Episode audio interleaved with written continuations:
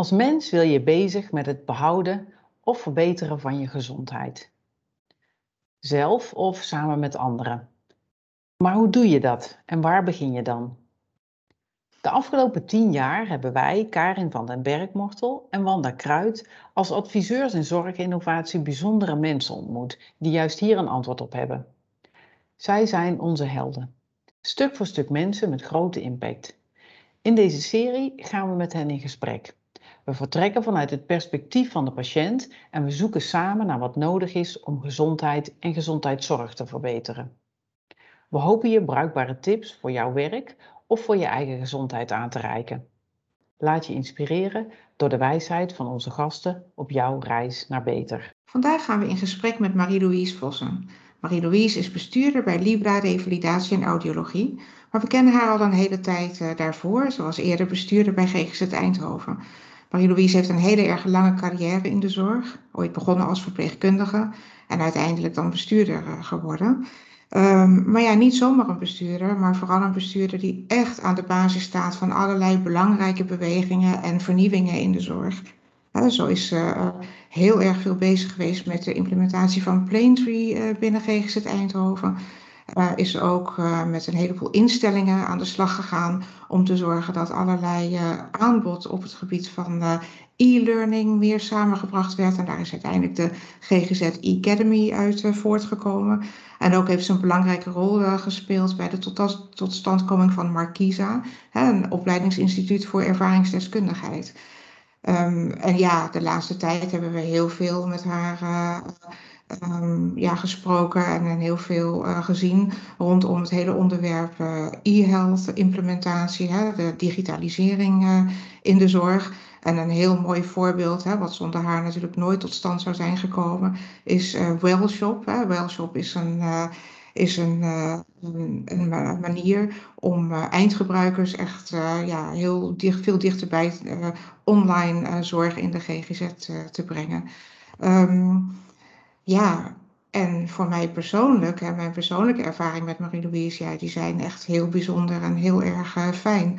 Ik kwam oorspronkelijk uit een uh, omgeving waar alleen uh, mannen in werkten. Zij was voor mij eigenlijk de eerste directeur-bestuurder die ik tegenkwam als vrouw. En dan ook meteen met zo'n innovatieve geest en zo'n bijzondere ja, sympathieke, empathische uh, en zorgzame vrouw die eigenlijk uh, bij alle vernieuwingen altijd het perspectief van de cliënten en diens naasten voorop uh, stelde en dan ook helemaal niet schuwde om ook haar persoonlijke verhaal daarin te vertellen en toch ook gewoon echt te zorgen dat er ja, dat de vernieuwingen die kwamen dat die ook echt doorgezet werden. Dus um, ja, voor mij is zij een, uh, een held en ik wil echt, uh, ja, ben, kijk heel erg uit naar het gesprek dat we gaan hebben.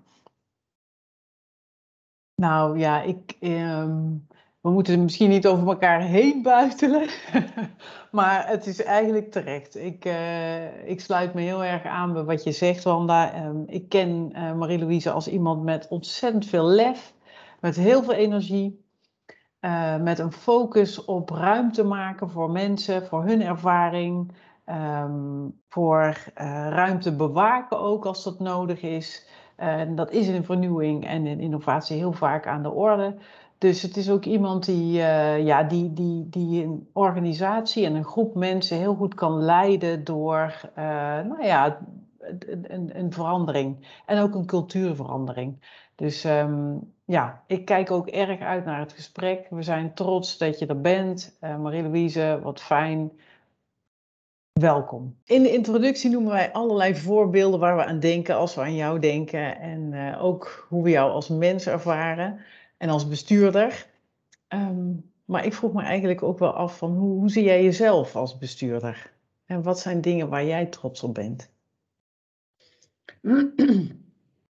um, ja, ja, het bijzondere is dat ik mezelf eigenlijk helemaal niet als bestuurder zie. Maar, dat, maar dat ik me vooral zie als uh, ja, de dirigent van een groot orkest. Uh, waarin we vooral samen de muziek maken. En waarin ik uh, aandacht moet hebben voor alle diverse muziekinstrumenten en, en de mensen die die muziekinstrumenten bespelen. Want op het moment dat je er één valse noot in hebt, ja, dan, dan hebben we een heel ontstemd, ehm, hebben we een hele on ontstemde melodie. Dus dat, dat wordt dan toch niet zo mooi. Dus, ehm, en ja, dat is misschien ook wel besturen, maar ik, ik heb niet een, uh, uh, ja, zie mij nou als bestuurder zijn van een organisatie. Die, die, ja, zo, zo zit ik niet zo in elkaar om dat zo heel nadrukkelijk te profileren. Dat herken ik ook wel. Um, maar je, er is wel bepaalde muziek die jij mooi vindt, ja. volgens mij. Ja, Kun je eens iets vertellen over welke muziek jou inspireert, wat je mooi vindt? Nou, ik denk de, uh, de muziek die beweging uh, voorstelt. Uh, dus er moet wel een, een, zeker ritme in zitten wat, waarin je ook geïnspireerd wordt om naar te luisteren of op te dansen. Of die jou weer nieuwe ideeën geeft. Um, ik denk dat, kijk, en, en, muziek is emotie, hè? dus de, de, metafoor klopt niet helemaal.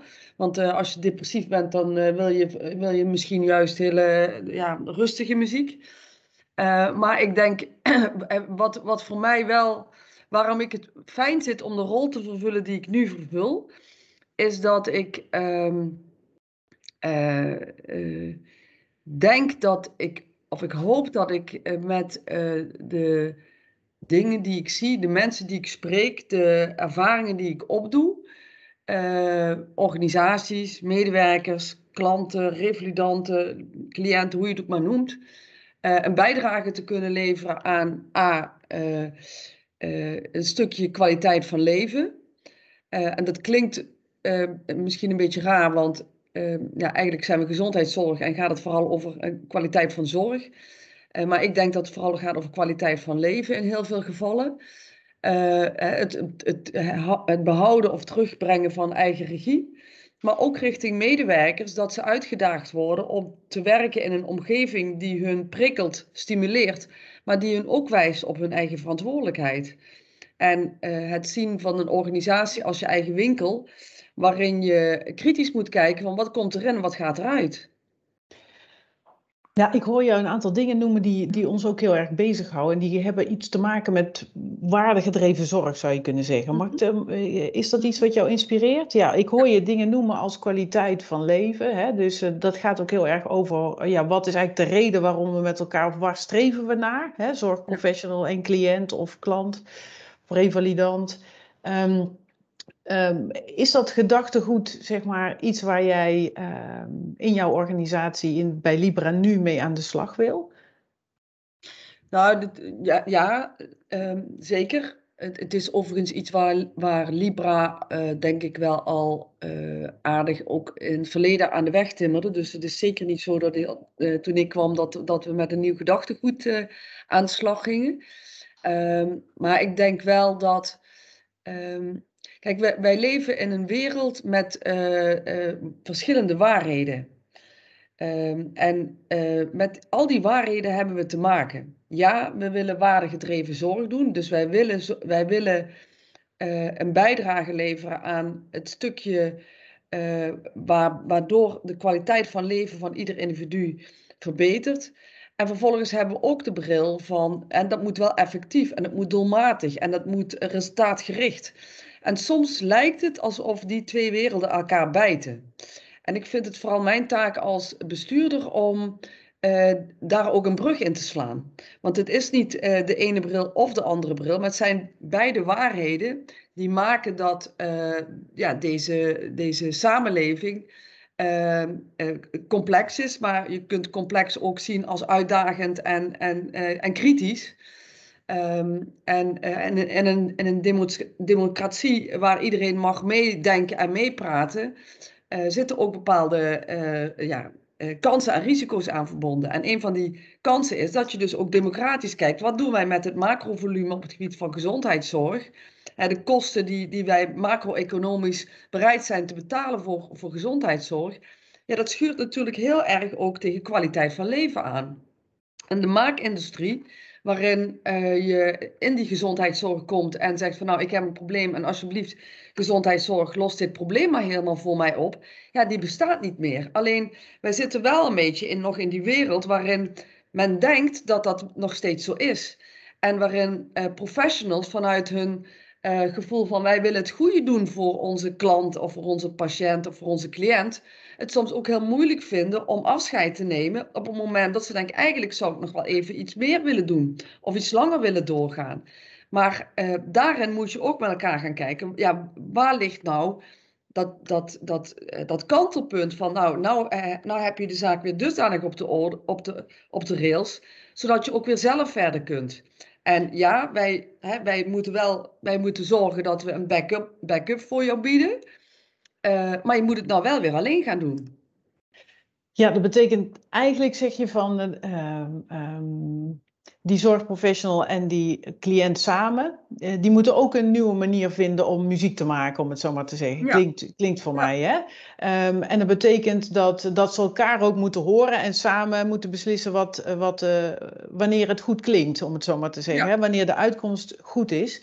Um, ik ken jou als iemand die heel veel energie heeft gestoken en eigenlijk nog steeds steekt in juist uh, het, de stem van die eindklant, zeg maar, van, ja. van de cliënt, van de uh, hulp, uh, ja. degene die hulp zoekt, om die mee te nemen in, in het orkest, om het zo maar te zeggen. Ja. Hè? Om die samen aan tafel te zetten, om te kijken van hoe kunnen we het anders doen en hoe.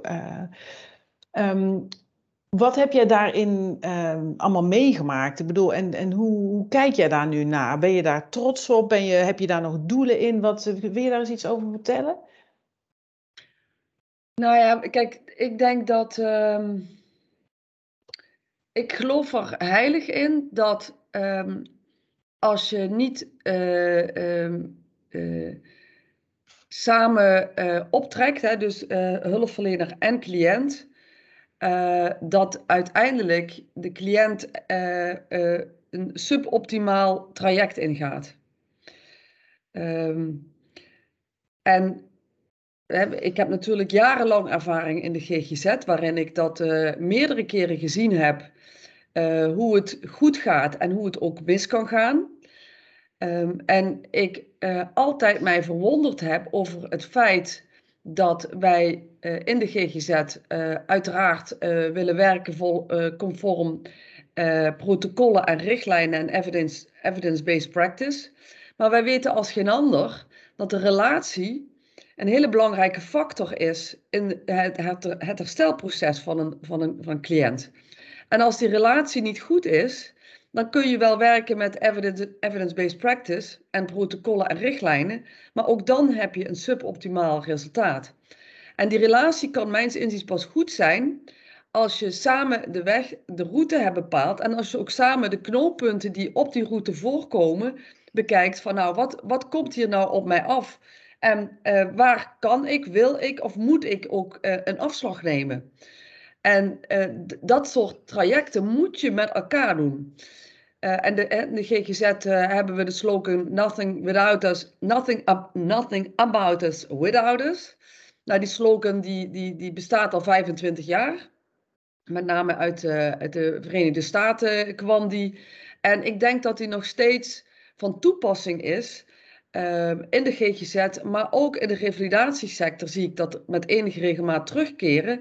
Dat er met alle goede intenties gesproken wordt over de revalidant of over de klant. Uh, en uh, uh, men zoveel mogelijk informatie inwint om zo goed mogelijk besluiten te nemen, maar vervolgens de klant zelf niet meeneemt in het proces. En dan ontstaan er dus afslagen waarbij de klant wellicht aan de voorkant had, had gezegd, ja, als ik dit had geweten, had ik liever gekozen voor een andere afslag. En daardoor krijg je altijd suboptimale resultaten. Dat het eerste. En het tweede ook, ehm, eh, als we het hebben over die waardegedreven zorg die ook binnen een bepaalde context plaats moet vinden. Het gaat ook over verwachtingenmanagement. En wat, wat kun je verwachten als wij, als wij samen deze, deze reis aangaan? Tot hoe ver reikt mijn invloed? Tot hoe ver mijn, rijken mijn mogelijkheden? Wij hebben niet de holy grail in handen. Was het maar waar.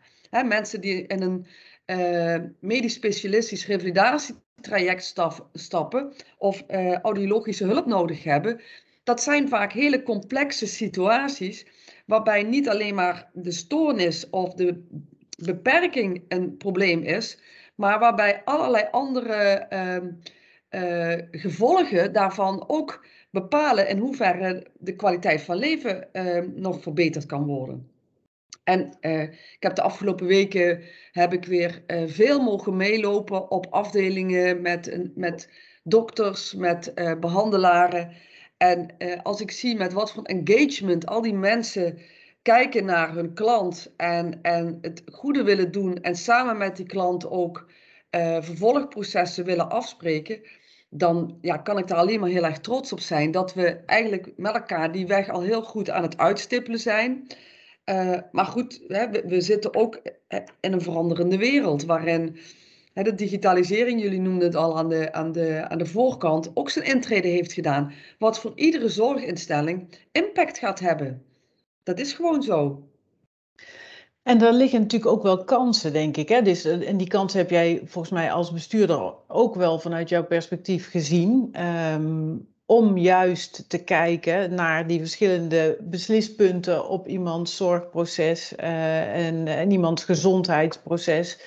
Om gebruik te maken juist van, um, nou ja, om je voor te bereiden op die beslispunten. Om zelf aan de slag te zijn als patiënt of cliënt met het proces, zeg maar op een zinvolle manier tussen de momenten dat je contact hebt met een, uh, een hulpverlener. Um, ja, en om samen ook te leren van Um, van een heleboel mensen misschien die op deze manier bezig zijn om juist te weten van wat, wat is passend voor, uh, voor een bepaalde doelgroep en hoe kunnen we samenwerken. Welke uh, kansen inspireren jou, zeg maar, als het gaat over digitalisering? Nou, ik denk, uh, uh, kijk, die patient journey, die begint niet bij de voordeur van de revalidatiekliniek. Die begint op het moment dat iemand een probleem ervaart. Dus uh, ik denk, hè, de, kansen zijn sowieso om uh, meer domeinoverstijgend met elkaar na te denken over die patient journey.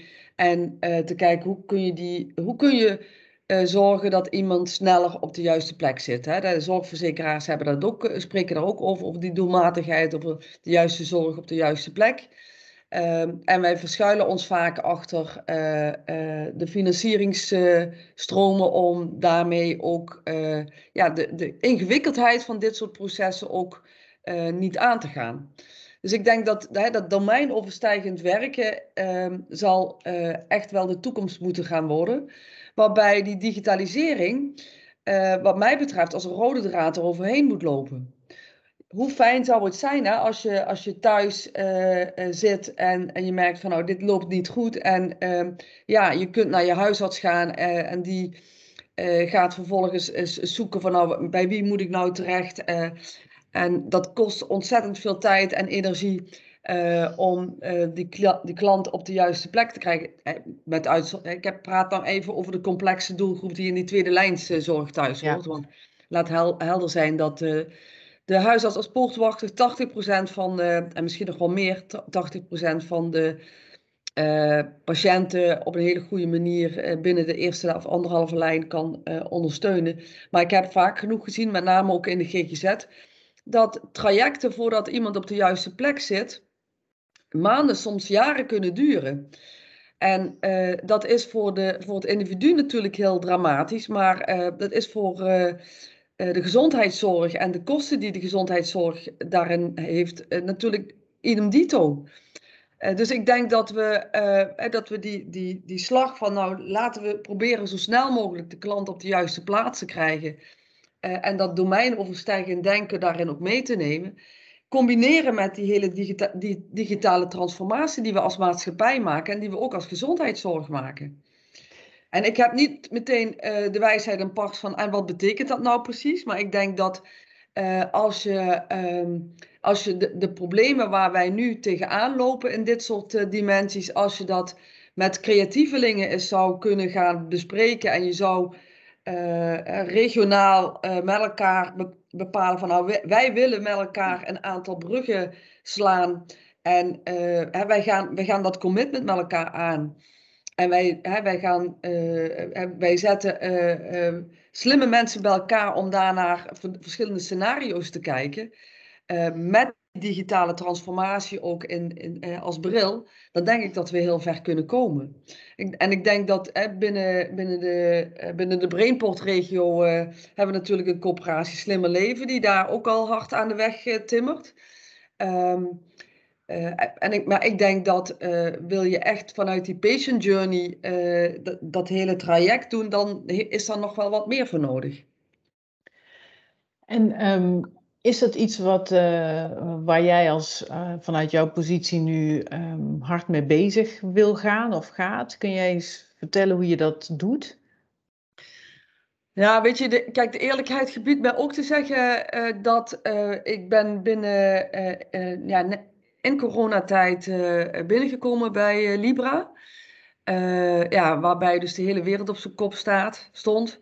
En we nu langzaam weer terug naar het normale gaan. En ik denk dat we. en de wereld is sowieso veranderd ten opzichte van anderhalf jaar geleden. en wij zullen dit. dus wij, wij zullen eerst onze, ja, onze eigen interne organisatie goed op de rit moeten hebben.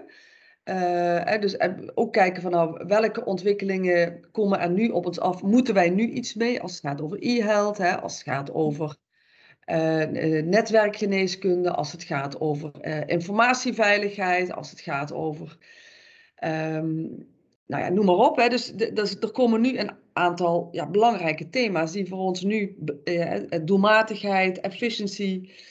Maar ik denk tegelijkertijd moet je met je externe stakeholders uh, wel hierover nadenken en met elkaar kijken hoe gaan we dit oppakken.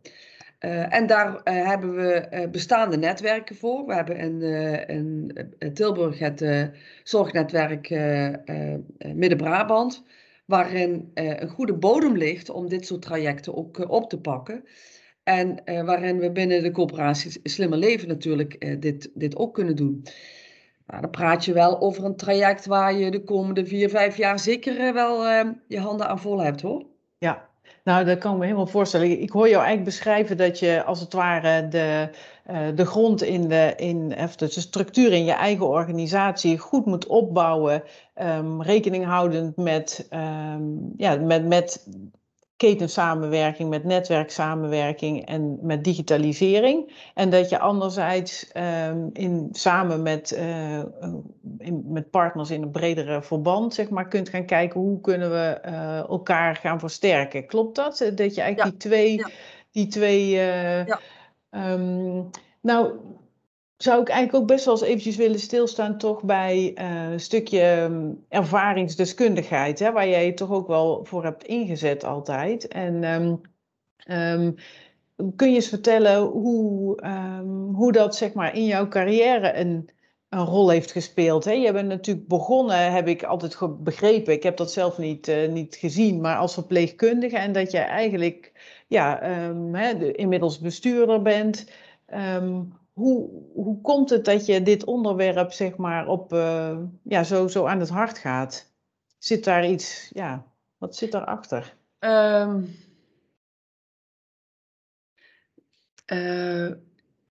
ja, wat zit daarachter? Ja, dat is, dat is moeilijk om, uh, om vast te pakken. het is niet zo dat ik ehm, uh, zelf ervaringsdeskundige ben op, op de onderwerpen of de, de thema's die in de GGZ speelden of in de revalidatie, maar ik ben wel naaste van uh, mensen die uh, ja, psychische problematiek hebben gehad of hebben. En ook in de revalidatie ben ik na naaste geweest van mijn broer die ja, een zeer ernstig ski-ongeluk heeft gehad. Maar voor mij was, uh, ik, ik ging de zorg in zonder eigenlijk aan de voorkant een, um, een herkenning in mijn eigen jeugd te hebben gehad. Ik, ik had niemand in mijn omgeving die, uh, die in zorg werkzaam was. Ik had geen boegbeeld waarvan ik dacht nou, dit, dit is wat ik wil worden. En toch had ik vanaf kleins af aan heb ik geweten dat ik de zorg in wilde. Uh, en dat, ja, ik kan ook niet, ik kan je niet vertellen waarom dat is. Dat, dat, is, dat is gewoon een gevoel. Uh, het is een gevoel van, uh, ja, inleven in de ander en zien dat de ander het moeilijk heeft en daar graag iets voor over willen hebben. En ehm, toen ik dus die in-serviceopleiding ging doen, was mijn laatste stage was de paasafdeling. En ik was toen 19, ik was, ik was echt heel jong toen ik de zorg... Ik was, vroeger moest je 17 jaar en 7 maanden zijn, uh, wilde je de zorg ingaan. Nou, ik was uh, 17 jaar en 8 maanden, dus zo graag wilde ik die zorg in. En uh, mijn laatste stage was de paas.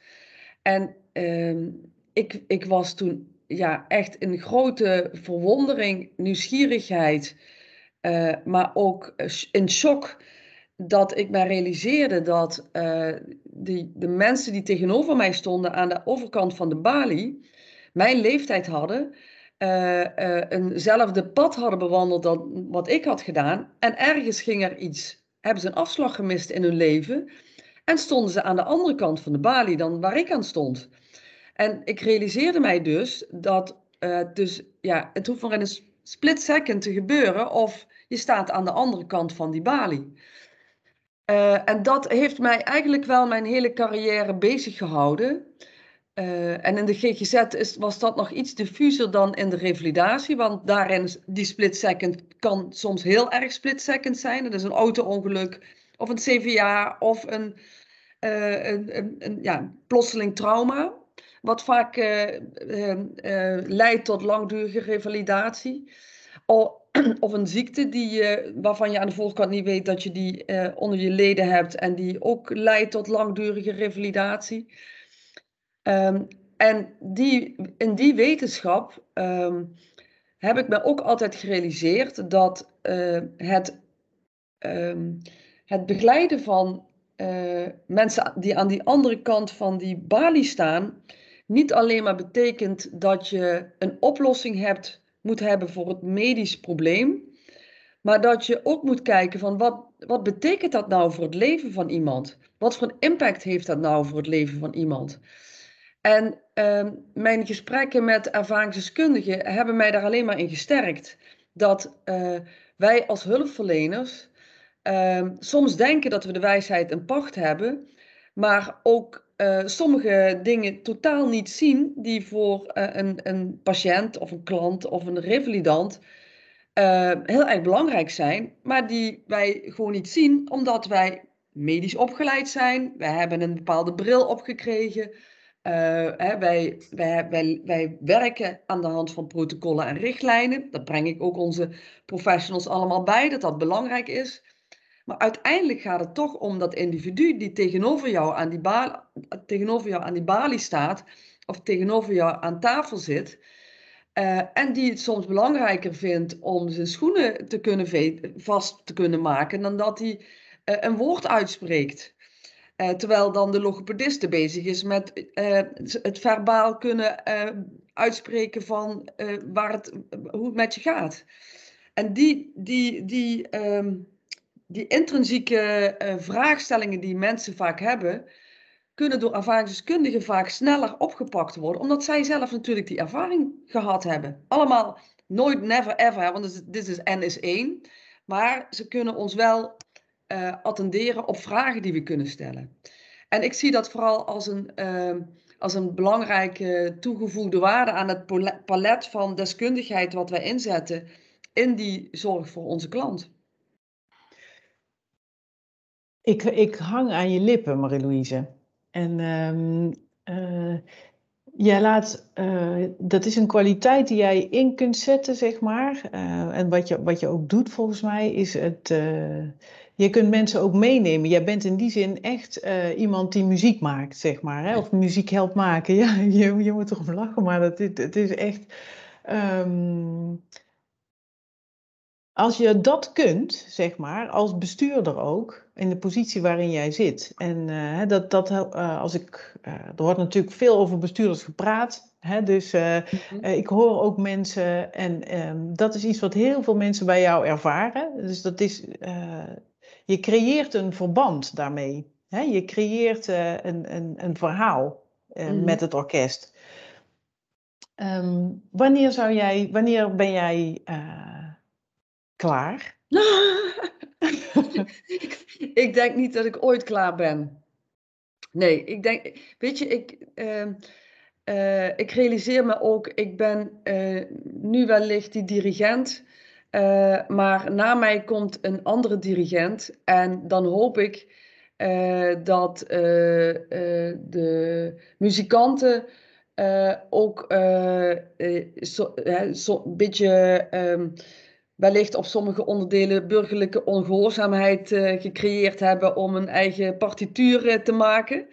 Uh, en dat doen ze overigens al, hè, want de gezondheidszorg wordt een van de kenmerken, denk ik, van, van professionals, is dat ze ook een, een gezonde burgerlijke ongehoorzaamheid hebben om af te wijken van richtlijnen en protocollen op het moment dat het hun uitkomt.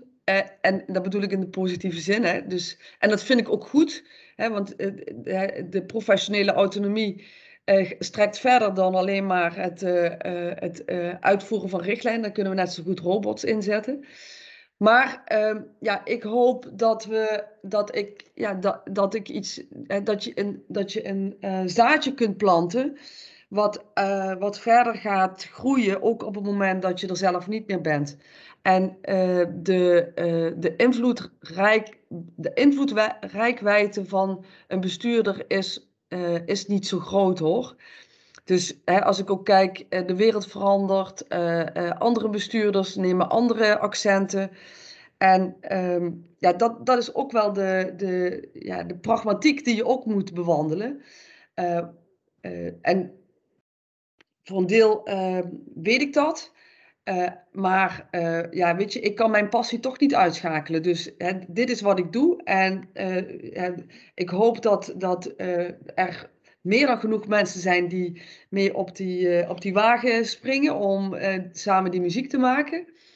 Um, en ja, op het moment dat ik ooit een keer vertrek, dat er dan voldoende karttrekkers zijn om dit, dit geloof ook verder te borgen. En natuurlijk zo wil ik zorgen dat we in de systemen en in de structuren bepaalde dingen geborgd hebben. Want kijk bijvoorbeeld naar uh, ervaringsdeskundigheid, hoe we dat binnen de GGZE hebben ontwikkeld. Uh, ja, dat was echt ook pionieren met, uh, met vallen en opstaan, waarbij ook teams te maken kregen met ervaringsdeskundigen die niet goed in een vel zaten, uh, waardoor er verkeerde beeldvorming ontstond, waardoor we uh, weer een stap terug moesten en weer opnieuw uh, het, het, speelveld moesten gaan creëren. En weer opnieuw kijken van wat, hoe kunnen we hier een, een, een goede body van maken.